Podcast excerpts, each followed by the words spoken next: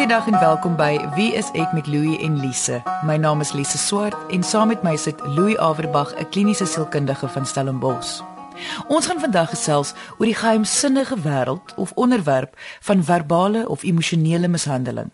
Die rede hoekom ek die woord geheimsinnig gebruik is omdat dit 'n vorm van mishandeling is waarvan ons almal weet, maar baie min mense oor praat. Selfs al affekteer dit duisende mense daagliks by hulle werk en by die huis. Daar is ook baie wanopvattinge en stigmas rondom hierdie onderwerp en ons gaan vandag 'n paar van hulle aanvat. Louis, kom ons begin sommer net by die heel eerste vraag en dit is wat is verbale of emosionele mishandeling? Ek hou nogal van die naam emosionele mishandeling want dit dui op enige iets wat nie met 'n fisiese mishandeling te doen het nie. En nou moet ons mooi verstaan, ons praat nie hier van om iemand te terg noodwendig nie of om 'n grappie met iemand te maak. Ons praat hier van 'n ernstige situasie, nê. Nee. Ja. En emosionele mishandeling sal alles wees om iemand skade aan te doen. Doelbewus sonder om fisies aan hulle te raak. En baie keer is dit erger. En mens kan kyk na om iemand van kos te weerhou byvoorbeeld of noodsaaklike dienste om iemand sielkundig af te kraak uh om iemand te weerhou van ander mense byvoorbeeld. Dis als voorbeelde van emosionele mishandeling. Hoekom dit belangrik is, is as gevolg van twee redes. Eerstens, emosionele mishandeling kan geweldige skade aan mense doen. Hmm. En tweedens, dat emosionele mishandeling gaan altyd fisiese mishandeling vooraf. Daarby bedoel ek nie as iemand skuldig is aan emosionele mishandeling, hulle gaan iemand anders fisies mishandel nie. Maar as daar fisiese mishandeling is, was daar altyd verbale of emosionele mishandeling voor die tyd. So dit is so half amper soos 'n teken mens moet so half miskien net versigtig al klaar wees dat dit kan dalk oorgaan na fisieke mishandeling.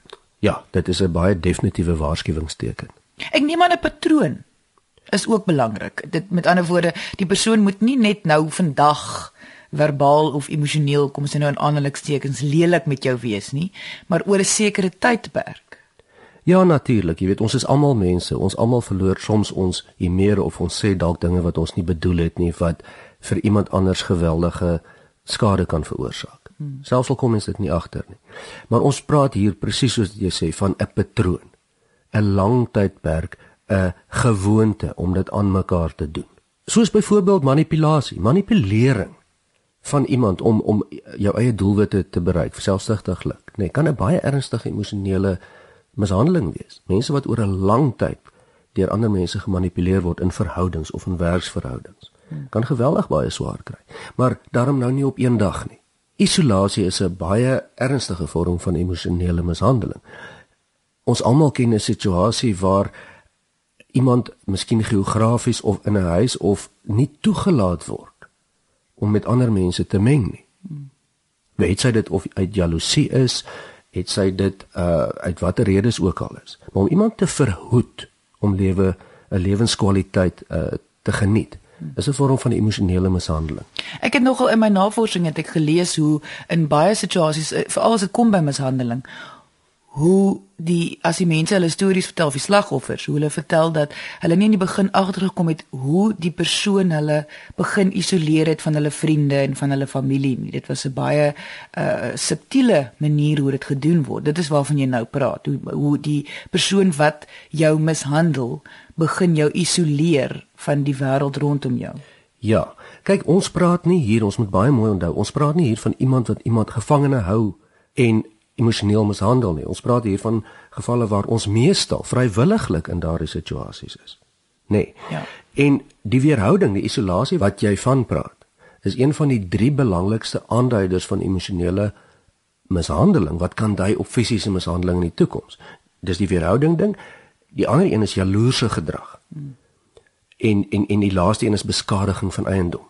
So ek is nou vir jou so vies en nou breek ek jou uh juweliersware of wat dit ook al is. Daai drie saam is 'n baie gevaarlike kombinasie en gewoonlik lei dit tot fisiese mishandeling. Hoe gebeur dit dat 'n persoon iemand anders mishandel? Is dit 'n sekere soort persoonlikheid? Is dit genetika of is dit iemand wat maar net 'n produk van hulle omstandighede is? Kyk, dit word oor die algemeen aanvaar dat Iemand wat iemand anders afkraak of sleg sê of of wat dit ook al mag wees, kry mag daaruit. En dit gebeur mos maar gewoonlik in 'n situasie waar die een meer mag het as die ander een. Ander is dit nie regtig 'n probleem vir 'n slagoffer nie. So as daar mag uitgekry word, wys dit ook vir ons verder dat dit dui op onsekerheid, selfbeeldprobleme, gevoelens van minderwaardigheid. Letterlik om dan die ander persoon af te trek na jou vlak toe. Dan hoef jy nie so sleg oor jouself te voel nie.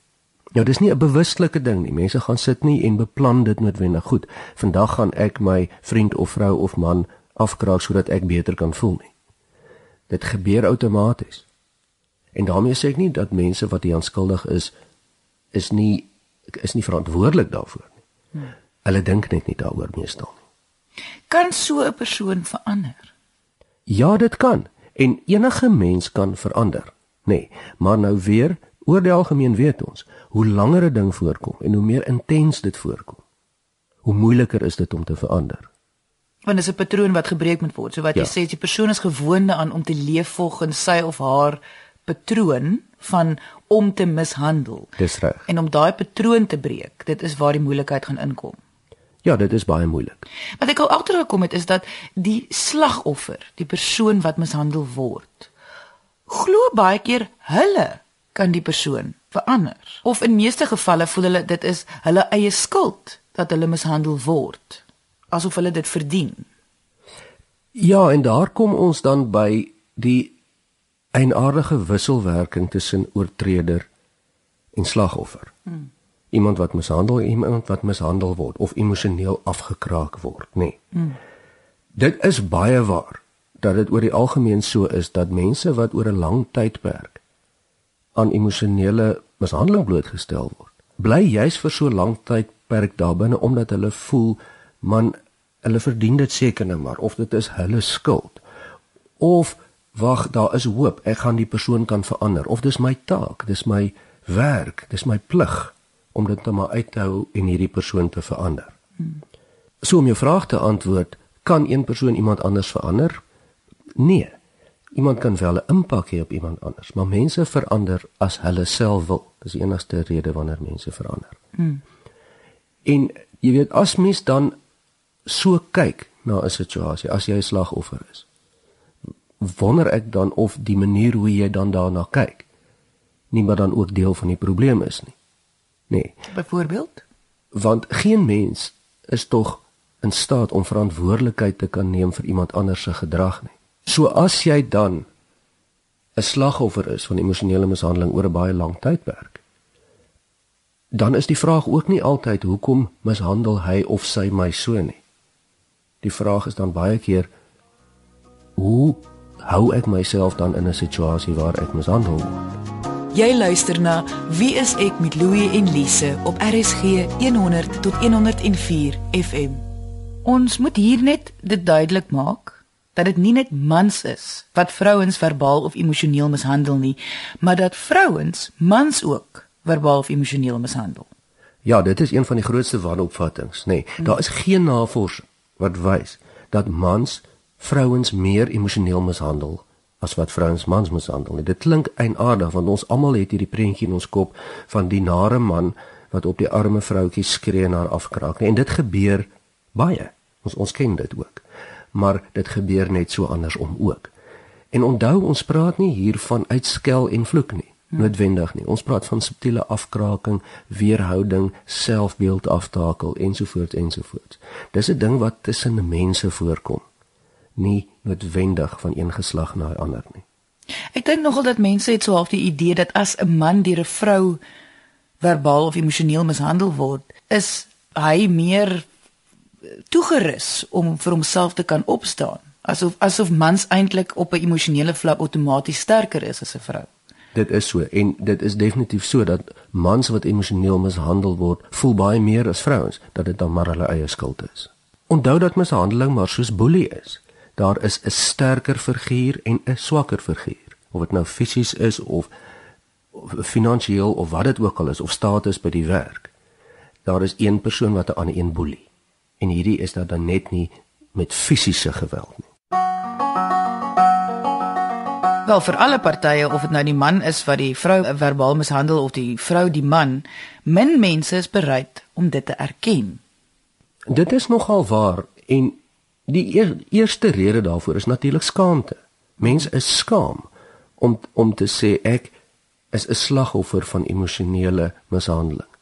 En die rede hoekom mense skaam is want hulle weet wat die onmiddellike vraag gaan wees daarop.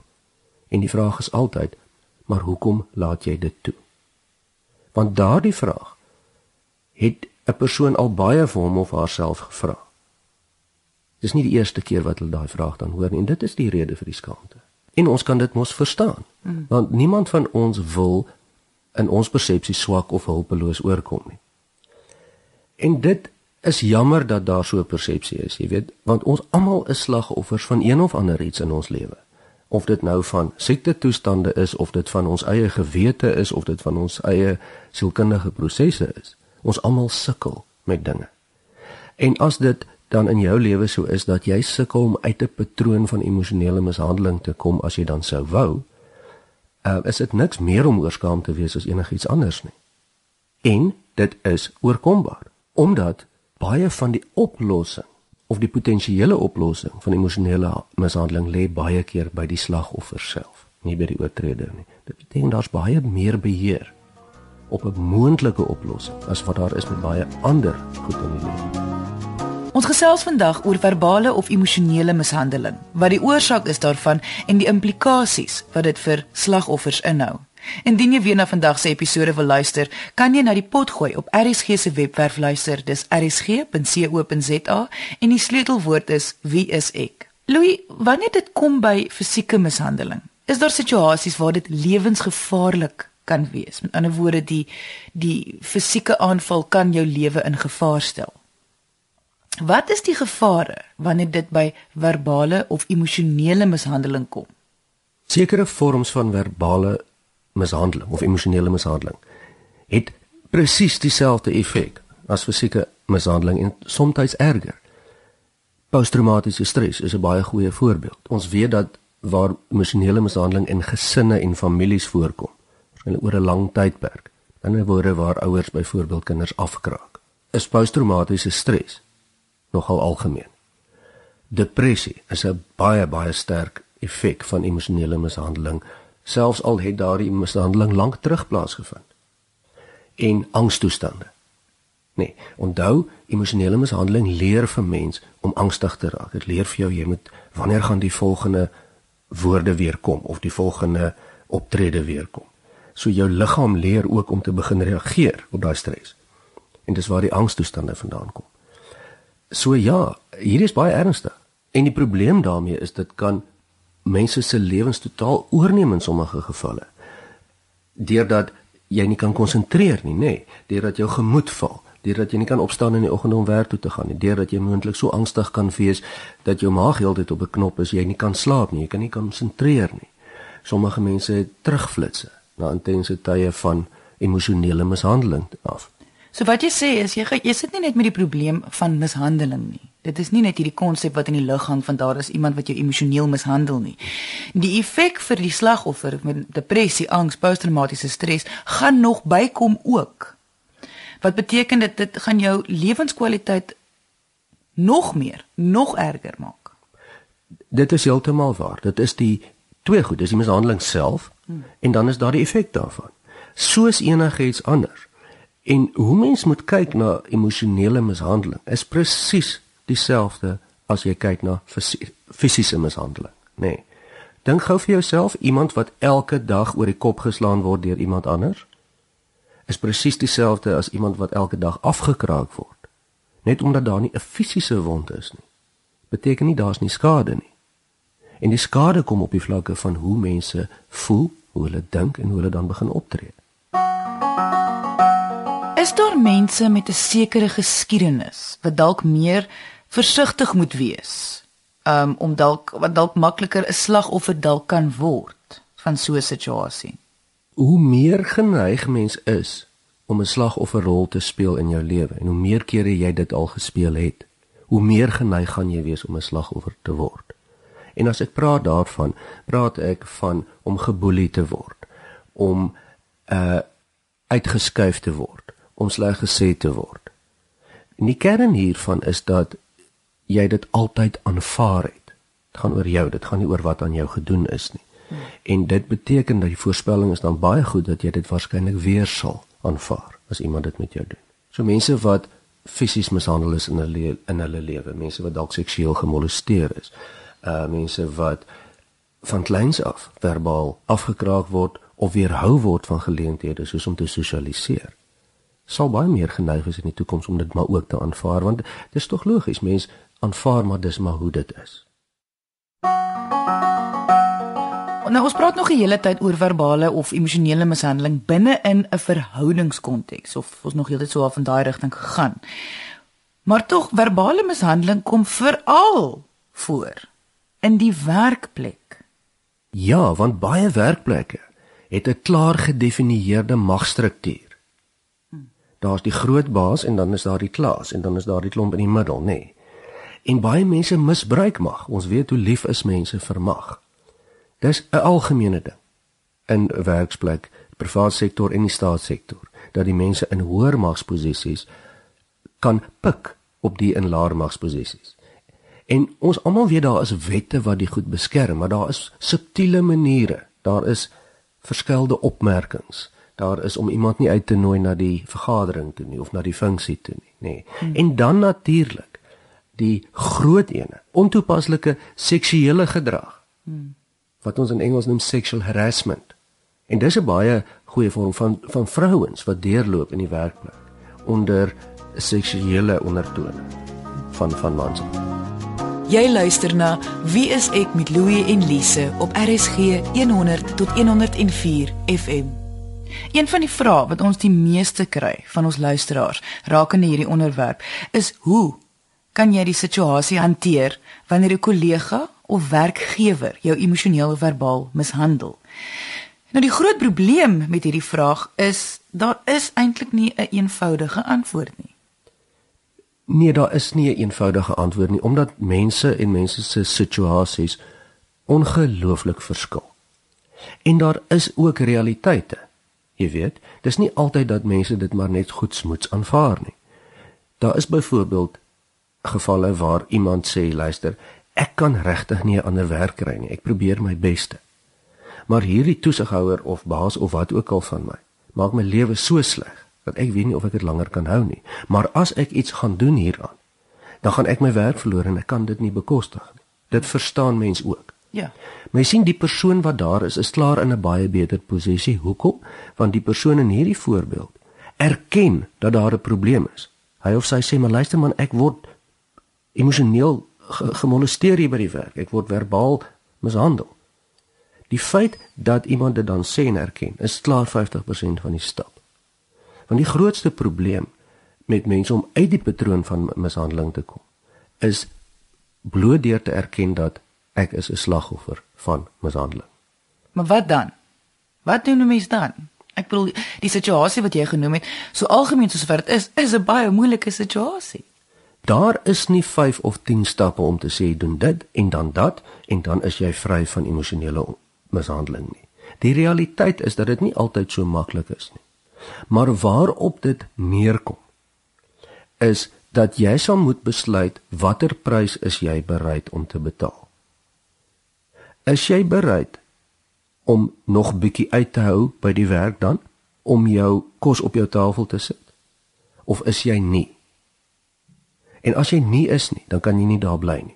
Dan moet jy 'n ander plan maak. Maar as jy dan bly, dan sê jy ek is eintlik bereid om daai prys te betaal. Baie keer is dit nie weens keuse nie. En daarmee saam kom die aardige realiteit dan as jy 'n slagoffer is van emosionele mishandeling. Het jy twee keuses. Of jy aanvaar dit of jy aanvaar dit nie. Dit klink verskriklik swart en wit, nê. En as mens na al die verskillende hoeke hierop kyk, kom dit maar nog steeds daarop neer. Of jy aanvaar dit of jy aanvaar dit nie. Maar kyk, dis nou baie moeilike konsep want as jy nou sê, so kom ons vat jou voorbeeld. Hier is 'n persoon nie lekker by die werk nie, die persoon word verbaal mishandel, maar hulle moet daar werk, daar is nie ander werk nie, dit is nou maar so. Nou, jy het nou klaar gesê, goed, daai erkenning is die eerste stap, maar nou duidelik aanvaar die persoon dit nie. Ja. Goed. En dan gaan mens mos nou altyd as jy dit nie aanvaar nie, deur al die stappe gaan. Jy gaan nou met die persoon dalk gaan praat. Jy gaan as jou as daar 'n uh, 'n uh, uh, personeel afdeling is by jou werk, gaan jy met hulle praat. Jy kan wettiglik 'n saak maak. Daar's baie goed wat jy kan doen. Maar die beginsel hierso is jy moet eers besluit wil jy iets doen. En sien nou maar daai prosesse werk nie. Dan sit jy nog steeds dan met die vraag, goed, wat doen ek nou? Maar die feit dat in hierdie geval mens dan iets doen, jy neem stappe, vat klaar daai slagoffer mentaliteit weg, dan is jy nie meer 'n slagoffer nie. Dan veg jy teen jou eie mishandeling. Al is dit nou baie onaangenaam. As jy niks daaraan doen nie, is dit ook 'n keuse. En ek sê nie dis 'n slegte keuse nie. Maak dan net seker dat as jy dit so aanvaar, maak dan seker dat jy dit regtig aanvaar. Hmm. Want baie mense sal vir jou sê, luister, ek bly op hierdie afgeleë plek en my man is vieslik met my. Hy skel op my, ek mag niemand sien nie, ek mag nie vriende hê nie. Ehm um, ensovoorts ensovoorts. En die logiese vraag dan maar, hoekom bly jy dan by hom? Sal dan wees en baie keer geregtelik so maar luister ek het nie ander opsie nie waar moet ek heen gaan ek het nie inkomste nie ehm um, ek waar moet ek bly en dit is baie baie geldig. Maar aan die einde van die dag sê jy dan met ander woorde goed ek aanvaar dit so. Dis eintlik wat jy sê. Hmm. want die ander opsies om dalk dan daal in die stofpad af te stap met jou tas is dan nie vir jou aanvaarbaar nie. So wat jy sê is dat hierdie tel vir albei situasies of dit nou by die werk verbale mishandeling is en of dit nou by die huis is dit hierdie ja. keuse stel vir al twee dit tel vir al twee en as jy dan besluit om te veg teen teen hierdie ding en uit die patroon van slagofferskap te kom dan kan dit lank vat en dit kan moeilik wees maar dan veg jy ten minste ons het net nou gepraat oor die effek wat dit op die slagoffer kan hê om emosioneel gemishandel te word as mens nou so kan stel.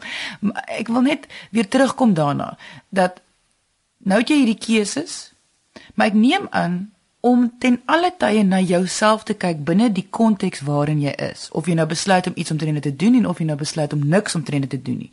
Verhaal nie weg die angs wat gepaard gaan met hierdie situasie nie. Dit haal nie weg die depressie of die posttraumatiese stres, moontlike posttraumatiese stres nie. Mense moet nog steeds Maak nie saak wat hulle keuse is nie. Dink aan daai effek.